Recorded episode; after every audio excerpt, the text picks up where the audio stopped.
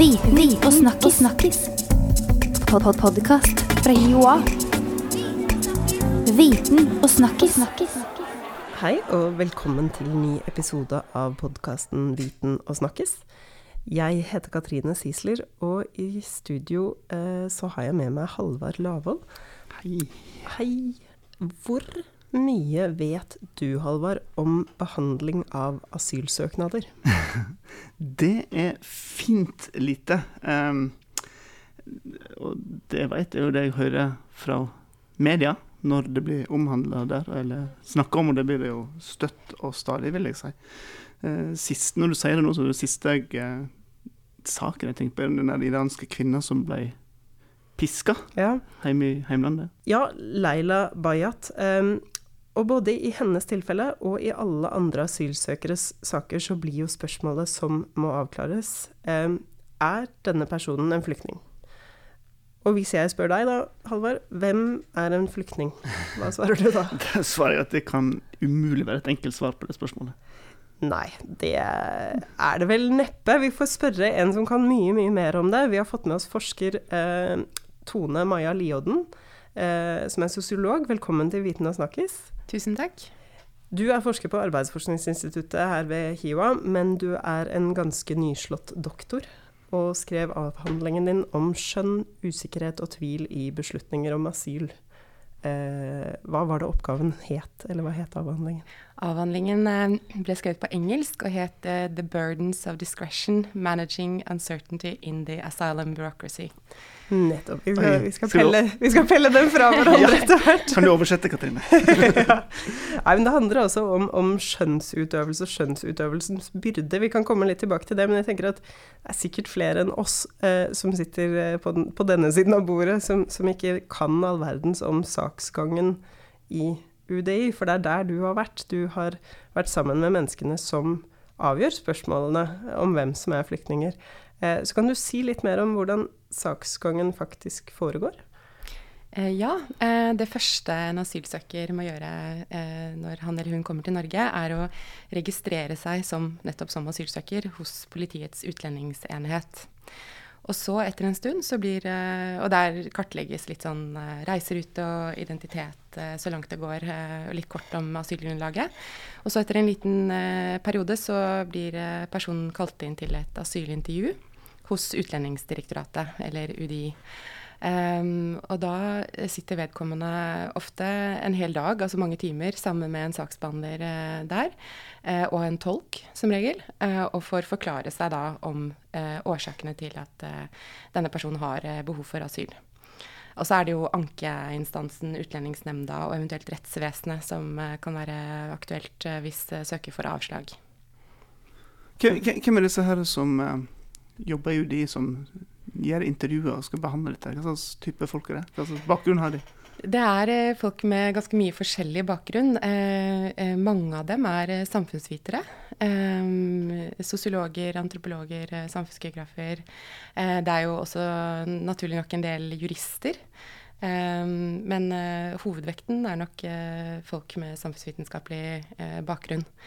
Um, som, og, og mange, mange er relativt uh, ferske. Altså det er, I hvert fall særlig jurister har ofte en post i UDI som et av de første skrittene i, i karrieren. Um, men det er også ganske mange nyutdanna uh, folk der, i tillegg til mer erfarne, selvfølgelig.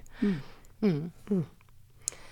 Og disse skal da avgjøre om den som har levert søknaden, er en flyktning eller ikke. Ja. Eh, og hvordan gjør de det? Ja, det er, det, det er et veldig interessant spørsmål, og det er jo noe av det jeg har forsøkt å finne ut av i min avhandling. Eh, for det, det er jo sånn at eh, i debatten om asylpolitikk så blir gjerne dette skillet mellom flyktninger og andre migranter trukket opp veldig kategorisk. Eh, ansvarlige politikere sier at de som har behov for beskyttelse, skal få det. Andre skal få avslag og returneres til hjemlandet. Eh, men så er det jo sånn at i, i praksis så kan dette her være eh, ganske, ganske vanskelige vurderinger å gjøre.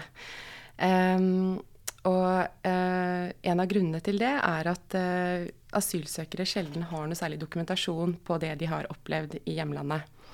Så veldig ofte så er faktisk deres historie det viktigste beviset i asylsaken. Eh, og da blir ofte troverdighetsvurderingene Det er ikke alle tilfeller, men i veldig mange tilfeller så blir troverdighetsvurderingene viktige i vurderingene av, av saken.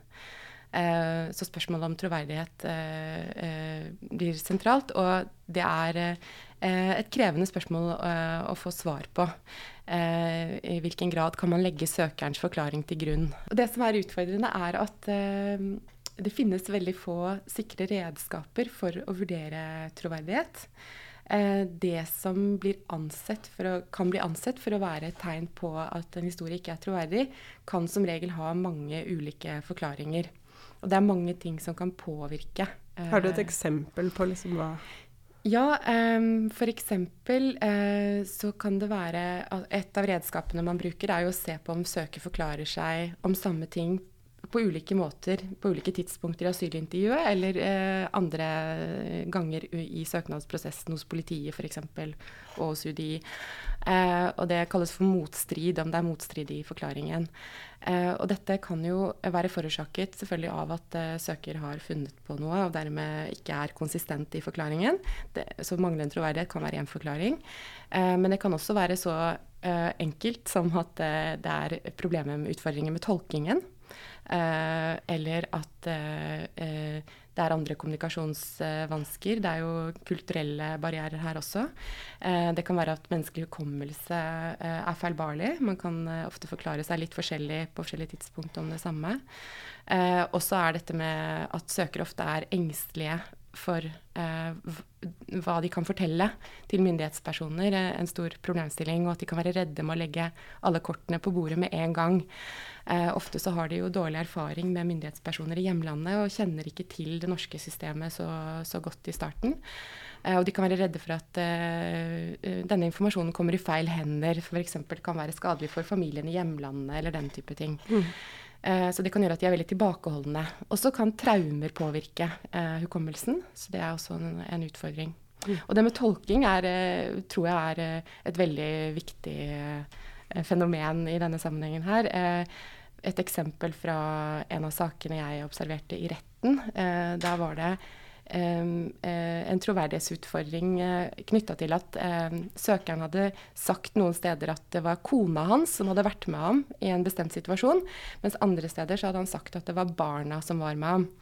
Og det, dette her ble det stilt masse spørsmål rundt, og det var full forvirring. og han klarte liksom ikke å forklare hvordan denne motstriden hadde oppstått.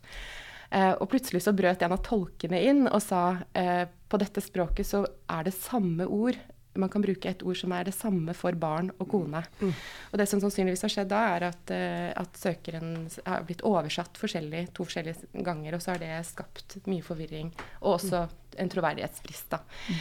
Så ulike beslutningstakere kan, uh, kan uh, legge vekt på ulike ting og, og enten søke uh, forklaringer som ikke handler om at det er brist på troverdighet, eller tolker det som en troverdighetsbrist, det samme, det samme tegnet, da, så å mm. si. Så det gjør det vanskelig. Men hvor mange intervju, altså hvor, hvor, mye tid går med på denne intervjufasen? her? Er det ett eller flere intervju, eller eh, hvordan organiserer en de? Eh, de fleste søkere blir innkalt til ett intervju. Eh, og så går det an å kalle inn til et eh, tilleggsintervju hvis man føler at man ikke har fått svar på de grunnleggende, eller de viktigste tingene etterpå. Men terskelen for å gjøre det er så vidt jeg har forstått relativt høy. Det er mm. ganske, ressurskrevende. En del søkere bor jo helt andre deler av landet på det tidspunktet. Altså.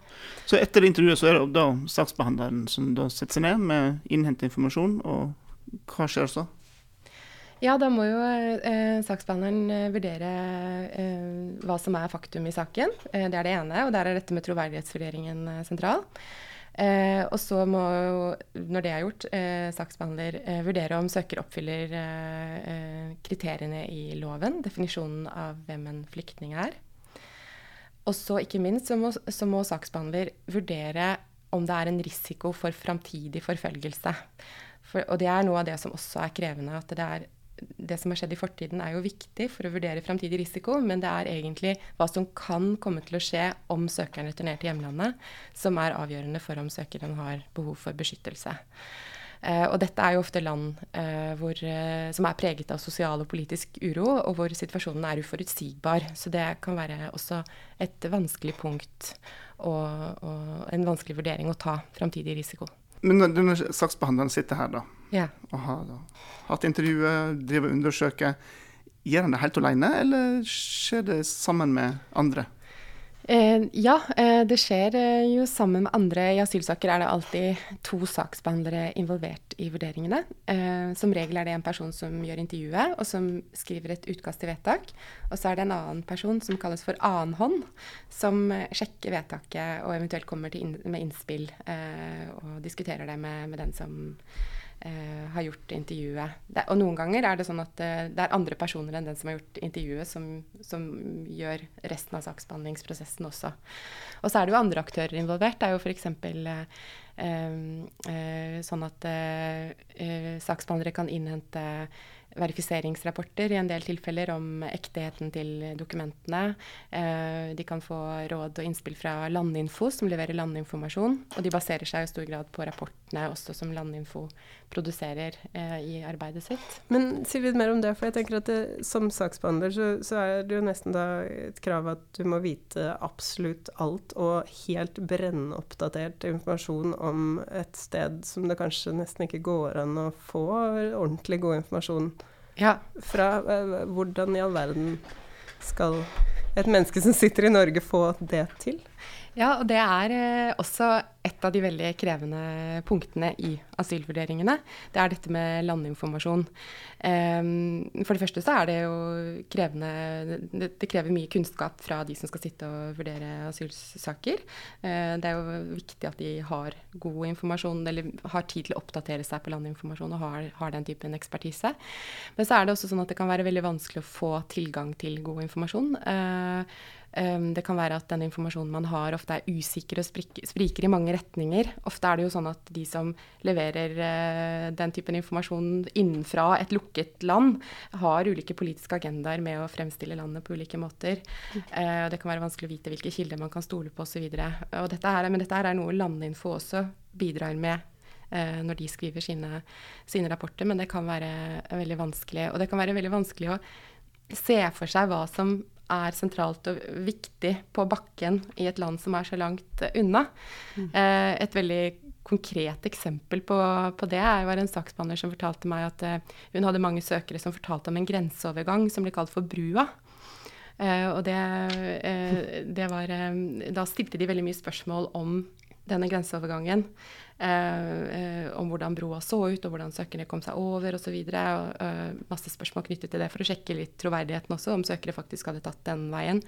Og saksmannen fortalte meg at hun så for seg eh, en bro, en grenseovergang som var basert på hennes egen erfaring, som var da Svinesundbrua, altså overgangen mellom Norge og Sverige. Mm. Um, og, og, den er jo sånn kjempe, ganske stort landemerke. Sånn ja, svært, da. Svær bru. Og så hadde hun anledning til å reise til dette landet senere uh, og faktisk ta den turen selv. Mm. Og da var hun veldig veldig spent da, på denne brua. Og så vips, så hadde de krysset denne grensen, og den brua var bare en jerngrind med en bitte liten bekk eh, som rant under.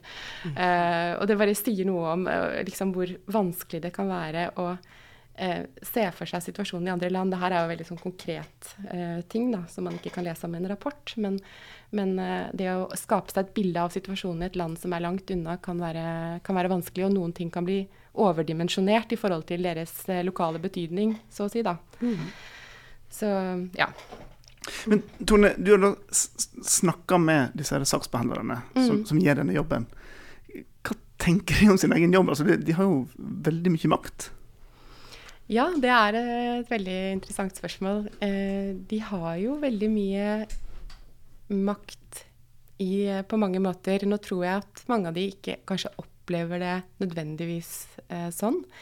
Fordi jeg tror eh, Selv om de som gruppe, saksbehandlere, har potensielt i hvert fall et ganske stort rom for skjønn, så er det ikke nødvendigvis sånn at hver enkeltsaksbehandler opplever det sånn. Eh, for de utvikler jo en felles praksis, en felles forståelse av hvordan de skal behandle sakene. og når den praksisen er lagt, så er det ikke sånn at nødvendigvis hver enkelt saksbehandler opplever så at de har så mye innvirkning i enkeltsaker. Det kan være en opplevelse av at det er ganske forutbestemt hvordan sakene skal eh, behandles.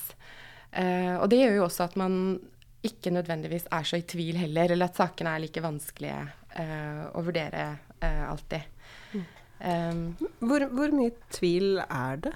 Altså, eh, når du snakket med dem, fikk du inntrykk av at det ofte var situasjoner hvor de var veldig usikre på den avgjørelsen som ble tatt? Ja, det var um, mye variasjon. Uh, og det tror jeg har litt med individuelle tilbøyeligheter til dels å gjøre. At noen er mer, bare rett og slett tviler mer enn andre.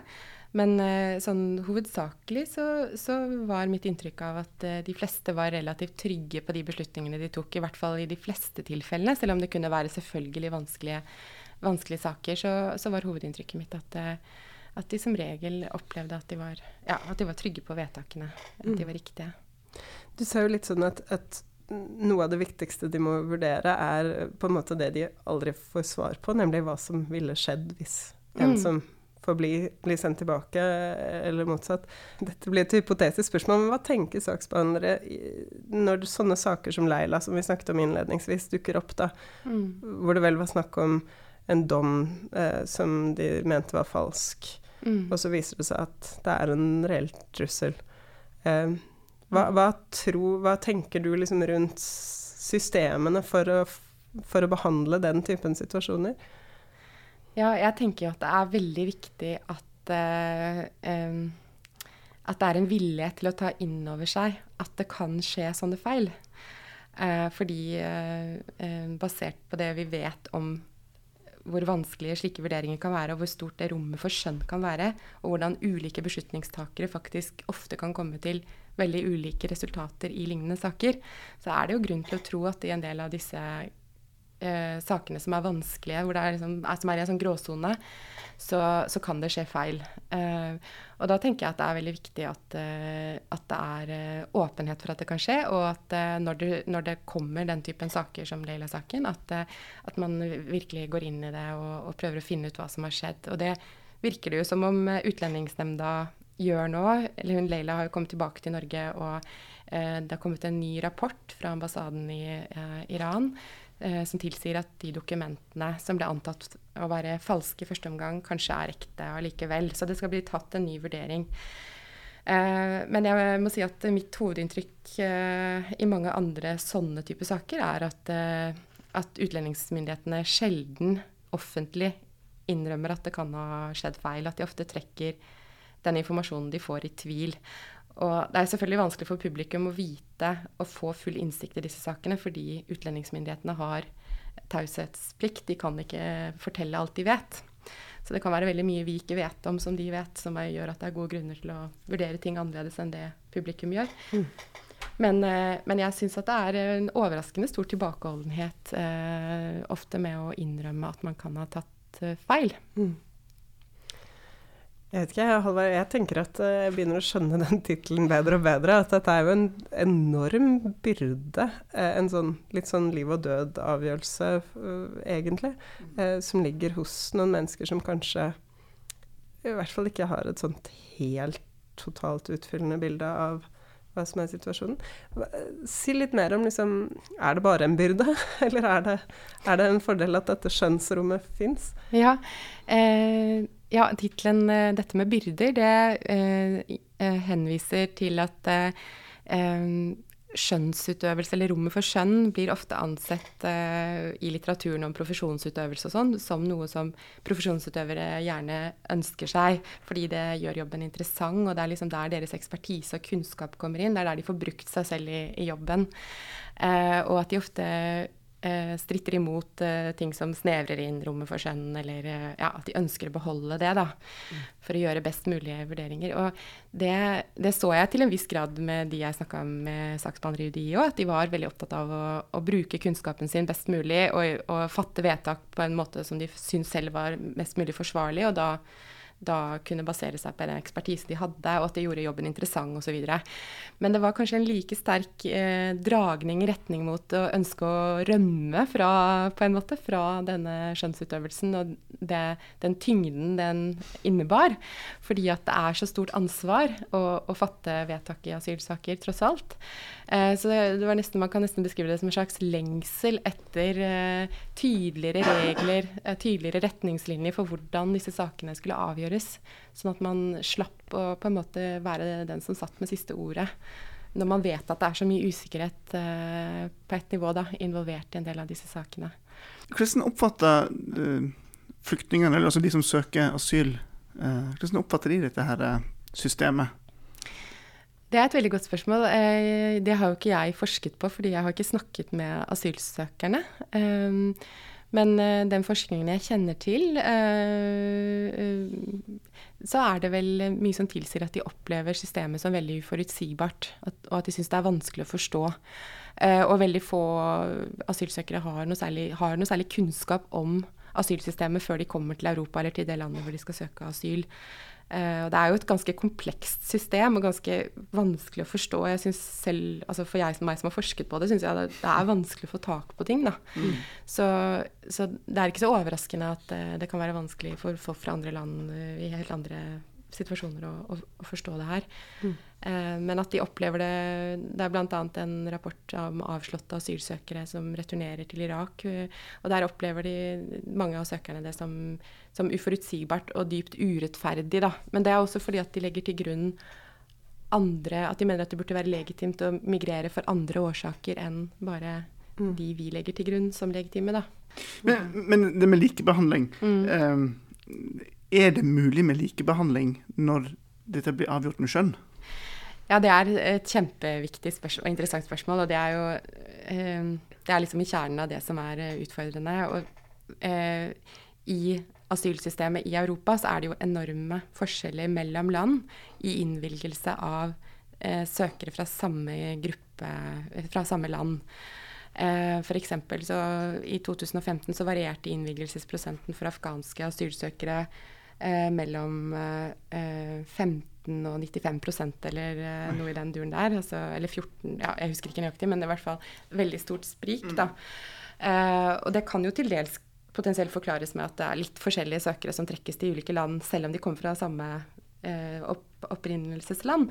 Men det er også sånn at det er flere studier som viser at det er veldig store forskjeller mellom beslutningstagere internt i samme land og mellom kontorer eh, i samme land. Bl.a. en studie fra USA som heter Refugee Roulette. Eh, så det er, eh, dette er utfordrende. Eh, noe av det jeg ser i, i min studie, er at eh, eh, Eh, på en måte så kan man si at uh, saksbehandlere sikrer likebehandling lokalt uh, blant de, de, de kjenner godt og jobber tett sammen med, fordi de skaper en felles forståelse av hvordan disse sakene skal vurderes. Og fordi prinsippet om likebehandling også skaper en trygghet. Når det nåværende vedtaket er i tråd med tidligere vedtak, så føles vedtaket på mange måter riktig. Mm. Selv om man ikke, selvfølgelig ikke vet noe substansielt om hvorvidt det er riktig eller ikke. Eh, men at det potensielt kan være mye variasjon mellom ulike enheter eh, på hvordan man vurderer eh, saker. Og en av grunnene til det eh, kan det se ut som er at eh, dette med å sammenligne saker eh, kan bli ganske sentral, en sentral mekanisme i beslutningsprosessen. Eh, og det betyr at saksporteføljen som helhet og hvordan andre saker ser ut, kan få betydning for utfallet i en enkelt sak. Jeg vet ikke om det var så lett å forstå, men, mm. Eh, men uh, ja. Men jeg ser for meg at hvis jeg, uh, hvis jeg var saksbehandler, og jeg mm. var fryktelig i tvil om hvorvidt noen fortalte meg hele historien eller snakket sant, da hadde det vært naturlig å spørre kollegaer, liksom, møtes og diskutere dette her. Er det mm. liksom rutiner for det, nettopp for å bygge opp en sånn felles liksom, forståelse? Ja. Ja, eh, nå er det jo noen år siden jeg snakket med saksbehandlere, så det kan mm. jo være annerledes nå. Men da jeg gjorde min intervjuer, så varierte det også veldig mye. Eh, noen steder så var det jevnlige, ukentlige sånne diskusjonsfora hvor saksbehandlere satt sammen og tok opp vanskelige saker og kunne diskutere tvil og komme med kritiske innspill til hverandre og den type ting. Mm. Og andre steder så var det nesten ikke tilstedeværende i det hele tatt. Da var det mer sånn man kunne banke på døra til en kollega, men det var ikke noe systematiske sånne rom for diskusjon eller for å ta opp tvil. Uh, og det, det, tror jeg er veldig viktig, fordi at uh, uh, det skjønnsrommet er der. og det, det, kan være litt problematisk hvis det er veldig mye usikkerhet knytta til beslutningene, men, denne, men, men, det ikke skaper noe tvil, fordi ikke den usikkerheten synes lenger. Fordi man ikke jevnlig på en måte tar det opp og ser på det og, og minner seg selv om mm. dette her, da. Mm. Nå, nå, som du jobber på Arbeidsforskningsinstituttet, så jobber du mye med en annen type saksbehandlere og førstelinjetjeneste. Eh, du jobber mye med Nav-ansatte. Eh, er det mye skjønnsrom og mye Er det mye overførbart fra, fra det du har sett på før? Eh, det som er overførbart, er i hvert fall dette med at uh, veldig mange av disse i førstelinjetjeneste må balansere det med å gi hjelp, da, eller beskyttelse i asylfeltet, med det å ofte skulle også kontrollere, eller være portvoktere da, for velferdsstaten eller for nasjonen i, i uh, tilfeller med asylsaker. Og at mm. dette kan balanseres på veldig ulikt vis. Eh, både i, i enkeltindividet, men også kanskje i den kulturen som utvikler seg eh, et, i et kollegium. Da. Mm. Og det kan ha veldig stor betydning for hvordan disse tjenestene på en måte gis ut, eller ja, i asylfeltet hvor mange som gis asyl, da. Eller, mm. Mm. eller får avslag. Tror jeg. Mm. mm. Se, ser man for seg at um, tenkte på Hva med kvoteflyktninger? Det er en helt annen situasjon enn at noen kommer til Norge uh, med det de måtte ha av papirer. Eh, jeg har hørt at noen har foreslått at kanskje vi bare skulle tatt inn kvoteflyktninger. Hva, hva tenker du rundt det? Mm. Ville det løst noe? ja, det er, jo, det er, jo, Alle forslag er jo verdt å diskutere i det feltet her, fordi at det er så mange utfordringer. Men, eh, og det er klart, argumentene for det er jo at eh, ofte de aller mest sårbare blir sittende igjen i flyktningleirer og har ikke ressursene til å legge ut på den ferden til Europa, som jo ofte er både kostbar og farefull. Så, så, jeg kan forstå det, det argumentet på ett nivå, men samtidig så er det Jeg tror det er garantert at det vil fortsette å komme mange mennesker uansett. Selv om man bestemmer seg for et sånt system, så vil det komme masse folk å stå på grensene til Europa og vil ønske å komme inn. Mm. Og hvis man bestemmer seg for at disse menneskene skal bare sendes rett tilbake til hjemlandet sitt, så vil jo det bryte Eh, alle våre forpliktelser eh, eh, i forhold til menneskerettigheter. Mm. Så det vil jo i så fall innebære et helt nytt regime og et helt nytt verdigrunnlag å basere hele dette instituttet på, som jeg mener ville være dypt problematisk. Da. Mm. Så, så, jeg kan ikke helt se for meg at det er en realistisk løsning. Nei. Nei, det høres ut som en stadig forbedring av det systemet som er. Er det den beste løsningen vi kan ha? Tusen takk for at du kom. Tone. Eh, man kan eh, titte inn på nettsiden til Viten og snakkes for å se eh, lenker videre til, eh, til eh, relevante eh, saker og dokumenter. Og selve oppgaven må vi jo legge ja, ut. Den kan dere legge ut der. Ja. takk for nå. Jeg heter Katrine Sisler, og Jeg heter Halvard Lavoll, og takk for at du hørte på. Vi, vi og snakkis. snakkis. Pod -pod Podkast fra Joa. Viten og snakkis.